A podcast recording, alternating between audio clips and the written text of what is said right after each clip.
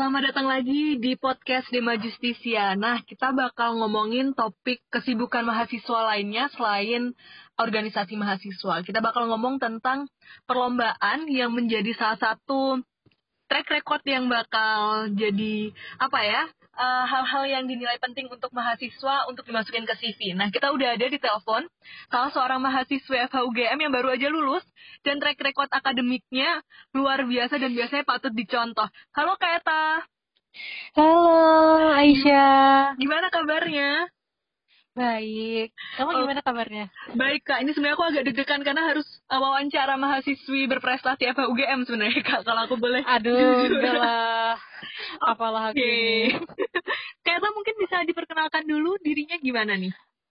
Halo teman-teman. Uh, nama aku Alexandra Giradina Mareta, biasa dipanggil Eta, dari angkatan 2015. Oke, Kak Eta nih sibuk apa aja sih waktu jadi mahasiswa? Um, kalau waktu jadi mahasiswa sih ada beberapa ikut organisasi ya, seperti KMK, kemudian sempat menjadi pengurus di ALSA dan juga uh, cukup aktif di DEMA. Tetapi kalau berbicara mengenai topik hari ini yaitu lomba itu sendiri, kurang lebih sih aku udah uh, aku ngikutin dulu sih tiga jenis lomba ya. Dan itu lomba yang pertama kali aku ikutin sih lomba peradilan semu tingkat internal Piala Dekan ke-11 mm -hmm. tahun 2016 itu waktu aku semester 2 oh. waktu jadi maba lah. Oke. okay. Terus yang kedua itu aku lanjut di semester tiganya ikut lagi lomba peradilan semu lagi tingkat nasional namanya National Moot Court Competition yang diselenggarakan sama ALSA waktu itu di Universitas Samratulangi Manado. Okay. Nah terus yang ketiga itu aku ikut lomba karya tulis ilmiah tingkat nasional uh, tentang kons Constitutional Law Festival 2017 yang adain Universitas Brawijaya itu aku ikut di semester 5.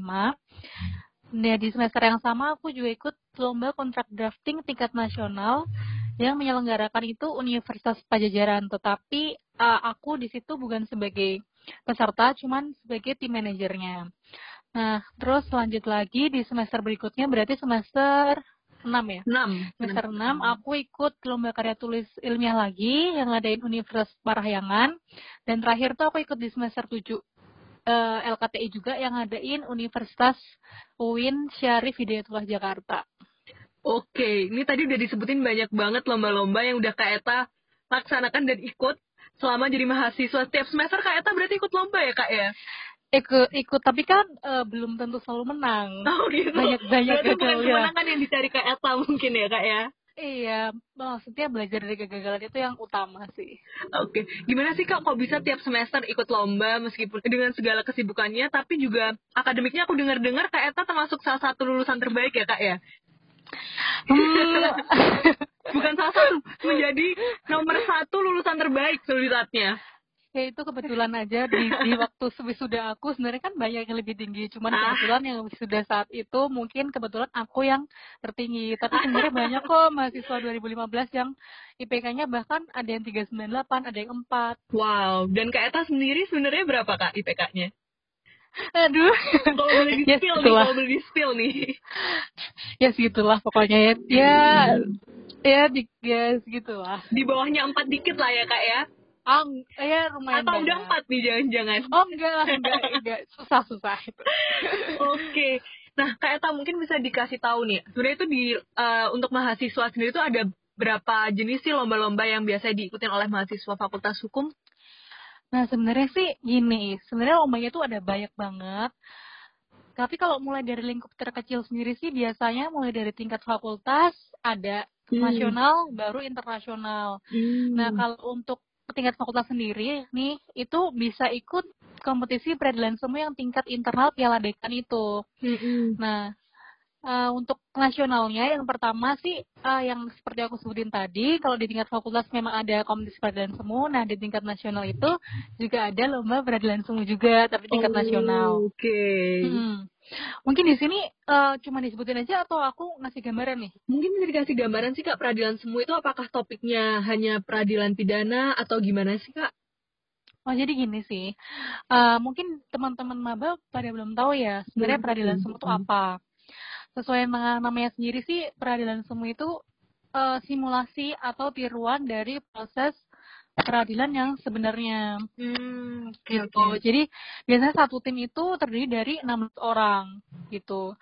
Nah, karena kita tuh di sini memperagakan proses peradilan yang sebenarnya, biasanya sih membutuhkan waktu persiapan yang matang dan cukup lama. Biasanya waktu latihannya itu sekitar 3 sampai 6 bulan. Wow. Seperti okay. itu dan latihannya rutin, biasanya dari jam 5 sore sampai 9 malam. Begitu juga dengan weekend dari pagi sampai malam.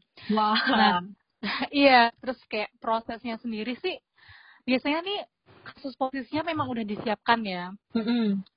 Jadi di situ kita memang langkah pertama ya emang kita bersama-sama mencermati kasus posisi yang ada. Biasanya kasus posisinya bisa tema-tema tertentu nih, seperti narkotika, korupsi, money laundering, maupun tindak pidana di bidang cyber. Hmm. Nah, di situ kan memang biasanya kan ada beberapa loophole tuh yang ada. Nah, tugas kita tuh mengembangkan kasus posisi sehingga uh, bisa, bisa lancar, iya bisa lebih bagus lah kalau untuk dibuat berkas dan kita peragakan di simulasi persidangannya gitu. Oke. Okay. Terus langkah yang kedua tuh pemberkasan. Nah ini mungkin yang bikin lama ya, karena kan kita harus membuat dari mulai proses penyelidikan di kepolisian, terus berkas penuntut di uh, kejaksaan dan juga berkas sidang. Yang mana berkas sidang itu kan ada macam-macam ya, kalau Aisyah tahu kan. Hmm, kalau masih ingat ya sebenarnya aku. Iya, coba tuh surat dakwaan, keberatan penasihat hukum, putusan selas, surat tuntutan pidana, pembelaan, dan okay. sampai akhirnya putusan alat bukti dan berita acara berita sidang. Berita acara sidang. Okay. Iya. Hmm. Terus yang ketiga nih juga ada pembuatan dialog, skenario persidangan dan juga di situlah kita belajar acting supaya kita benar-benar bisa memerankan peran yang kita dapatkan waktu simulasi sidang. Misalnya aku nih sebagai hakim atau Aisyah sebagai uh, penasihat hukum seperti itu. Jadi harus tampil secara maksimal. Oke. Okay. Selain gitu. peradilan semua ada lomba apa lagi kak kalau yang di tingkat nasional? Nah itu, yang kedua itu ada lomba karya tulis ilmiah seperti yang tadi beberapa kali aku, aku pernah ikutin ya. Mm-hmm. Itu tuh sebenarnya kalau LKT itu adalah tulisan tuh uh, adalah suatu bentuk tulisan yang memang berisi ide kreatif dan inovatif terkait isu permasalahan hukum yang sedang terjadi di Indonesia. Hmm. Biasanya itu tentang tema dan subtema yang tertentu tuh sudah ditentukan oleh pihak penyelenggaranya. Oke. Okay. Sebenarnya gini, tantangan LKT ini nih um, kita dituntut tidak hanya untuk dapat membawa solusi gagasan baru yang teraktual atau terupdate berkaitan dengan subtema tersebut, tetapi juga memperhatikan seberapa kreativitas sorry, seberapa kreatif dan bermanfaat ide tersebut bagi masyarakat, kemudian keaslian gagasan, kejelasan pengungkapan, pengungkapan ide, sistematikanya, dan argumentasi ilmiah yang mendasari mendasari ini mendasari ide, kemampuan menganalisis dan menyimpulkan gagasan. Oh, gitu. Tapi biasanya sih kalau untuk LKT ini persiapannya lebih uh, santai sih dibandingin dengan peradilan semu. Mungkin ya, pembuatan ya, waktunya. Iya, uh, dan kan apa namanya anggotanya kan juga pesertanya satu tim itu cuma terdiri dari 2 sampai tiga orang. Mm -hmm. Jadi biasanya persiapan pembuatan berkasnya itu kurang lebih 1 sampai dua bulan gitu. Oh, oke. Okay. Oke, itu tadi LKTI ya kayak. Ya. Tadi aku juga dengar katanya ada constitutional drafting dan juga apa ya kak ya? Tadi mungkin bisa dijelasin? Oh gitu. Jadi kan kalau constitutional drafting itu eh salah. Itu constitutional drafting itu constitutional law itu temanya. Tema oh, temanya ya, bukan uh, lombanya ya. Bukan lombanya. Tapi kalau constitutional drafting itu biasanya kayak perancangan perundangan gitu sih. Oke. Okay. Lomba itu juga biasanya diselenggarakan oleh univ-univ tertentu dan belum banyak sih yang menyelenggarakan. Satu tim biasanya terdiri, terdiri sampai lima orang gitu. Hmm, oke oke oke. Hmm. Tapi biasanya selain penyusunan peraturan perundang-undangan itu ada lomba yang mirip-mirip sama sih kayak penyusunan juga, tapi penyusunan kontrak atau perjanjian. Biasanya namanya lomba kontrak drafting. Hmm. Oh, Oke. Okay. Hmm. Drafting biasa. Jadi itu kayak menyusun rancangan kontrak atau perjanjian sesuai dengan kasus posisi yang telah ditentukan oleh panitianya. Gitu. Uh, kalau kalau apa namanya uh, selain lomba yang pernah aku ikutin sebenarnya ada beberapa lomba lain sih di tingkat nasional uh, lomba legal opinion sama lomba debat hukum oh. biasanya tuh juga sering kok diikutin sama mahasiswa. Kalau mm. kalau legal opinion sendiri kan um, sebenarnya mirip-mirip sih sama LKTI sama-sama nulis tetapi soal legal opinion sendiri itu uh, fokusnya itu untuk menganalisis kasus dari sudut pandang hukum secara tertulis dan pemaparan argumen terkait hukum itu sendiri. Jadi kasus posisinya emang udah ditentukan oleh panitia. Jadi ada oh. kasus itu. Tapi kalau yang LKTI sendiri kan memang subtema tertentu aja ya. Jadi kasusnya emang Bebas kita ya? sendiri harus hmm. mengembangkan iya, harus mengembangkan ide. Terus kalau hmm. lembaga debat hukum nih uh, cocok banget buat mahasiswa yang ingin belajar gimana sih mempertahankan argumentasi ilmiah ya kan mm-hmm. yang dikemas dalam debat yang membahas isu-isu hukum. Okay. Ini cocok banget ya mungkin untuk teman-teman yang senang berargu ber, beradu argumen mungkin ya. yang banyak ngomong berarti kak ya, pintar iya. ngomong. Mm-mm. Secara kan skill yang diperlukan kan nggak hanya pemahaman tentang teori tertentu, tetapi juga kemampuan untuk merangkai kalimat dan membuat argumen dan juga mempertanggungjawabkan argumen kita itu sendiri gitu. Oke, okay. itu tadi semua di setingkat nasional ya kak ya perlombaan-perlombaannya? Iya. Tapi kira-kira kalau internasional juga ada perlombaan yang sama atau ternyata ada tendensi perlombaan yang berbeda untuk internasional? Kalau untuk internasional sih setahu aku ya karena aku belum pernah juga ikut lomba yang internasional setahu aku sih yang banyak di internasional itu muting internasional ya. Mm-hmm. Karena kan kalau di UGM sendiri ini uh, diwadahi uh, sama si komunitas yang namanya Community of International Moot Court atau CIMC. Nah mungkin teman-teman yang ingin tahu lebih lanjut tentang uh, perlombaan internasional bisa langsung cek di Instagram atau websitenya CMC karena aku sendiri juga belum pernah apa namanya terlibat langsung di perlombaan internasional. Tapi sih biasanya nggak jauh-jauh dari muting, kemudian negosiasi gitu-gitu sih. Oke. Okay.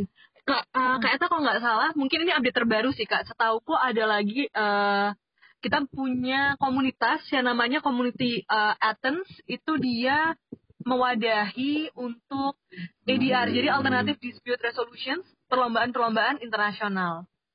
Oh, gitu. nah itu mungkin juga satu lagi ya itu ya? Iya, jadi dia lebih ADR. lebih lebih apa ya konsennya lebih spesifik untuk ADR. Kalau misalkan CIMC kan mungkin lebih ke mood court uh, ICC, IC, uh, IC apalagi ya ICCPR mungkin. Nah itu dia di CIMC seperti itu. Update oh, terbaru nih kak. Oh, okay. makasih Aisyah update-nya ya. Aku malah tidak mengikuti update tersebut. Nggak apa-apa kak. Uh, Atens baru dibuat setelah kak Eta lulus kak. Jadi kak Eta emang lulusnya kecepetan gitu. Ah masa sih? Oh iya. gitu sebenarnya Oke okay, okay. deh kalau gitu. Mungkin kak Eta ada saran-saran nih buat maba karena aku lihat sekarang nih anak-anak uh, maba itu uh, apa ya lebih lebih semangat untuk ikut-ikut lomba. Tapi mungkin ada saran dan juga masukan dari kak Eta? saran bagi mahasiswa yang, yang akan mengikuti lomba maksudnya ya? Mungkin itu maksudku. Um, kalau menurut aku sih, uh, pertama-tama sebelum kita mengikuti lomba itu, kita memang harus menanamkan dalam diri kita bahwa jangan pernah takut mencoba atau jangan pernah takut untuk men-challenge diri kita. Hmm. Biasanya kan kalau mahasiswa baru tuh sering ada ketakutan tuh. Wah, kayaknya aku nggak bisa deh. Karena kan aku nggak pernah punya pengalaman nulis atau nggak bisa nulis. Atau kayaknya aku masih minim deh pengetahuan hukumnya. Jadi kayaknya kalau ikut muting kayaknya aku bakal keteteran nih gitu-gitu. Hmm. Tenang, tenang aja teman-teman. Justru dari lomba itu tadi adalah proses belajar kita yang sesungguhnya. Karena kita bakalan belajar bareng-bareng dari nol dibimbing sama kakak tingkat atau pelatih bahkan dosen hmm. seperti aku dulu waktu uh, pertama kali ikut muting yaitu peradilan semu tingkat internal waktu aku maba aku bahkan nggak tahu apa-apa tentang hukum acara pidana dan undang-undang narkotika tapi waktu MCC itu ya emang kita belajar bersama-sama di situ baca buku bareng diskusi bareng tanya jawab sama cutting dan juga riset sama dosen jadi jangan takut kemudian terus sebelum ikut lomba nih, teman-teman juga jangan pernah teman-teman menetapkan batas kita terlalu rendah dari potensi yang sebenarnya kita miliki nih.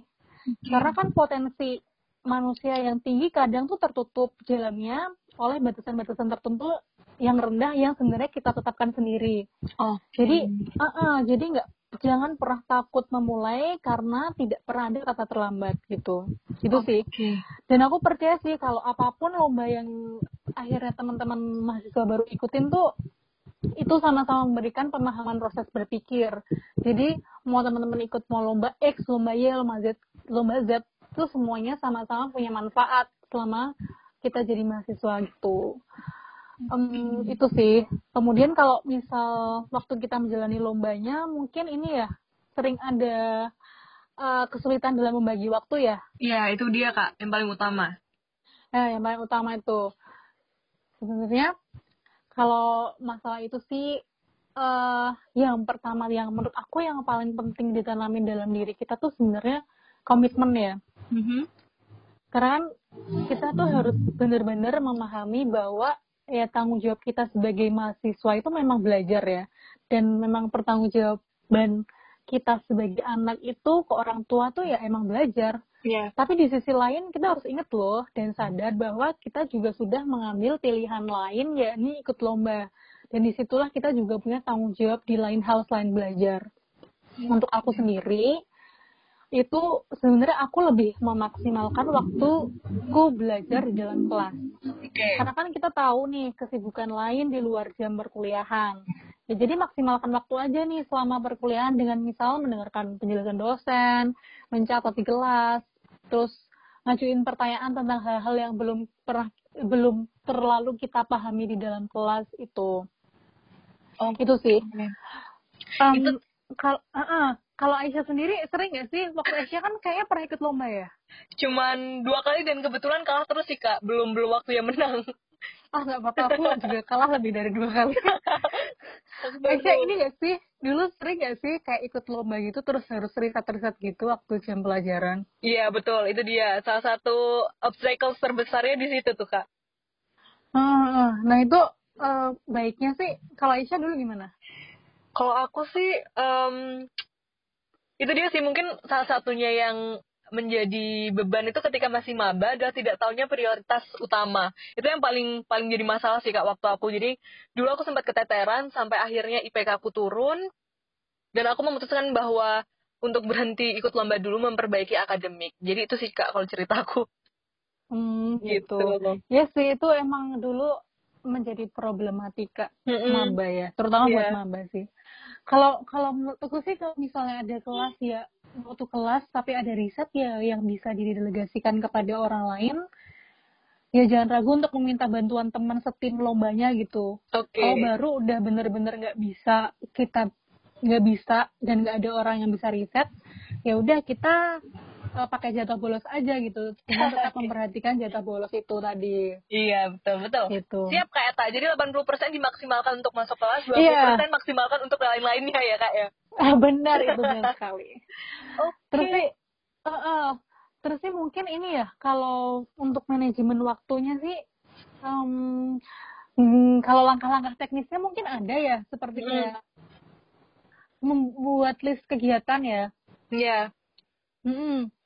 Jadi menurut aku ya, menurut, menurut aku sendiri, selain kita mengetahui porsi kita belajar di kelas dan kegiatan lainnya tadi itu, ya memang penting banget nih buat list kegiatan dalam skala mingguan dan bulanan. Mm -hmm. Misalnya nih sekarang bulan Agustus, ya udah lihat lihat di depan kita kan besok berarti bulan September nih. Iya betul. Uh -uh. Buat aja daftar kegiatan dan juga catat tanggalnya untuk bulan selanjutnya. Oke, hmm. jadi bikin uh, schedule ya kak ya berarti ya? Schedule, uh, Nah kalau misal kalau teman-teman itu udah tahu nih agendanya apa untuk bulan September ya udah segera ditulis gitu. Dan kemudian kalau udah nulis juga tulis juga ber ber ber berbagai hal yang memang perlu kita lakukan dalam rangka untuk mempersiapkan agar masing-masing kegiatan itu bisa uh, berjalan dengan tuntas seperti itu. Kayak misalnya misalnya nih September awal nih bakal ada kuis pengantar ilmu hukum. Terus selanjutnya nih tanggal 10 sampai 25 nih ada UTS nih. Iya. Yeah. Eh, ya itulah. Terus di akhir tanggal misalnya tanggal 30 nih ada pengumpulan berkas lomba kayak tulis. Nah, Oke. Okay. Nah, di list aja kayak gitu, terus kayak tujuannya apa sih? Tujuannya ya untuk mengetahui seberapa banyak persiapan yang kita butuhkan untuk setiap kegiatan tersebut sehingga dapat membantu kita menentukan uh, seberapa cepat sih kita perlu mulai mempersiapkan diri agar hmm. nantinya kita bisa lebih siap dan tenang ke depannya gitu. Oke, itu tadi saran sangat teknis ya kak ya. Jadi bikin schedule day to day, uh, uh. to do list sebenarnya itu iya, kan kita bisa prepare lebih benar. jauh Oh, nice nah. actually. Nah. Itu harusnya aku lakuin dari semester satu kayak Harusnya aku wawancara kayak dari semester satu. ya ampun. Loh, kan belum tentu aku semester satu udah memulai. Kan Aisyah oh, iya. tahu aku baru mulai di semester berapa. Oh iya, benar juga. Terus juga kayak Ya. Uh, uh. Okay. Tapi ada loh, kelas selanjutnya tuh masih ada loh. Banyak ya, Kak ya? Hmm, prioritas jangan lupa habis ya, buat betul. list tuh kita itu prioritas tuh. Okay. Kan listnya udah selesai, habis itu yang kedua adalah prioritas jadi memprioritaskan uh, memprioritaskan tanggung jawab kita dalam urutan kepentingan. Ya mungkin ini tuh nggak terlalu signifikan kalau kita melihat list agenda bulanan kita ya secara uh, whole September itu, tapi sangat penting untuk list mingguan dan harian. Oh. Jadi uh, uh, jadi proses itu kan uh, kita tuh mudah mudah sih tinggal urutkan tugas-tugas yang paling penting sampai yang nggak paling penting. Oke. Okay. Yang paling penting itu adalah hal-hal yang emang kudu dilakukan hari ini. Mm-hmm. Terus kalau misal nih hari ini nih nggak bisa berjalan sesuai sama list agenda yang udah kita buat nih, ha hal-hal yang kurang penting hari hal-hal yang atau kegiatan yang kurang penting hari ini tuh bisa dipindah ke daftar yang harus kita lakukan esok hari. Jadi sebelum tidur atau besok pagi itu buat list agenda hari itu yang baru gitu. Oke, jadi itu sifatnya hmm. dinamik banget ya kak ya, bisa berubah dinamik, sesuai ya. dengan kondisi ya. Iya, jadi kalau misal misal nih uh, hari ini nih misalnya kita tahu nih punya tugas yang deadline-nya masih minggu depan. Mm-hmm. Terus yang kedua nih kuis di hari uh, kuis misalnya deadline-nya lusa dan juga ada persiapan lomba. Ya berarti kan tentu porsi prioritas kita akan lebih banyak untuk mempelajari kuis kan. Iya. Yeah. Gitu. Jadi dibanyakin tuh waktu untuk mempelajari kuisnya itu. Oh, Oke, itu tadi saran-saran dari Kak Eta untuk gimana caranya kita bisa membagi waktu, prioritas, dan juga konsistensi belajar kita untuk sesuai dengan target ya Kak ya? Iya. Mm. Oke. Okay. Ada lagi saran dari Kak Eta nih sebenarnya diem-diem sambil aku catat Kak. Jadi aku sudah tahu menit-menit keberapa yang paling penting, jadi nanti bisa aku lakuin di semester ini. Diam-diam oh, gitu ya? sebenarnya aku yang wawancara juga belajar banyak dari narasumber. Aisyah semester berapa sih? Aku semester lima Kak ini, naik semester lima. Oh ya oke, okay. semangat semester yang paling sibuk. itu dia ada PLKH, ada magang, ada segala macam. Iya. Iya. Sama oh, ya, di Fakultas Hukum. Ah, bener itu semester 5 ke 6 itu yang paling riwah ya. Iya, Memang betul. harus ditata jadwalnya. Yeah. Oh ya mungkin nih Aisyah mungkin ini jadi apa namanya juga nggak kalah penting ya buat uh, kita untuk mengenali diri kita sendiri nih. Mm -hmm. Misal nih, kapan kita itu paling merasa paling siaga dan penuh energi dan siap okay. untuk siap untuk apa namanya uh, melakukan tugas hari itu.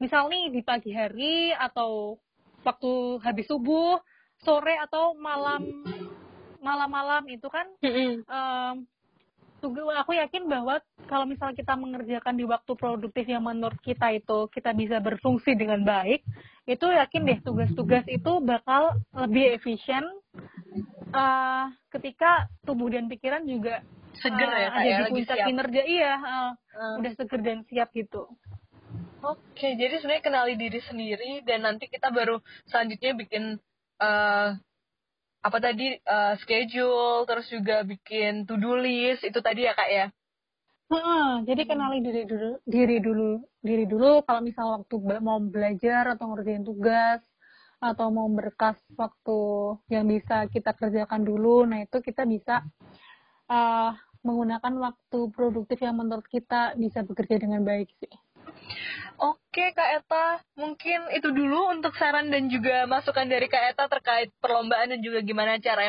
maintain waktu, tenaga dan juga diri kita untuk tetap seimbang antara perlombaan sama kelas.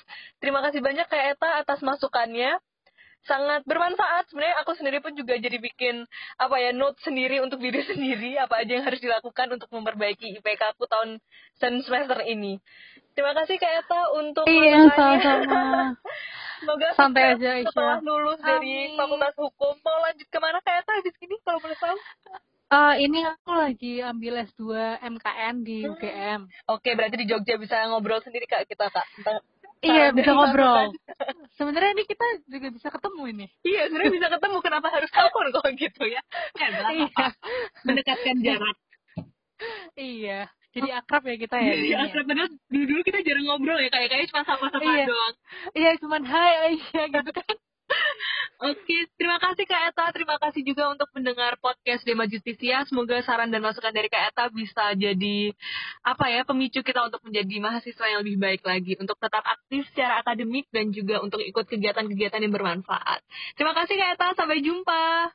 Amin, semoga bermanfaat ya buat mahasiswa baru dan kalau ada salah dan kurangnya atau kurang berkenan bisa langsung kritik dan sarannya ke aku ya. Oke, mungkin Kak Eta bisa share Instagramnya mungkin ya orang bisa langsung mengkritik. Karena aku dengar-dengar juga jadi UGM cantik Kak Eta ini. Aduh, enggak itu ah, bohong itu ya. Oke, itu aja dari Kak Eta dan aku pada hari ini. Sampai jumpa. Terima kasih Kak Eta. Ya, terima kasih Aisyah kembali.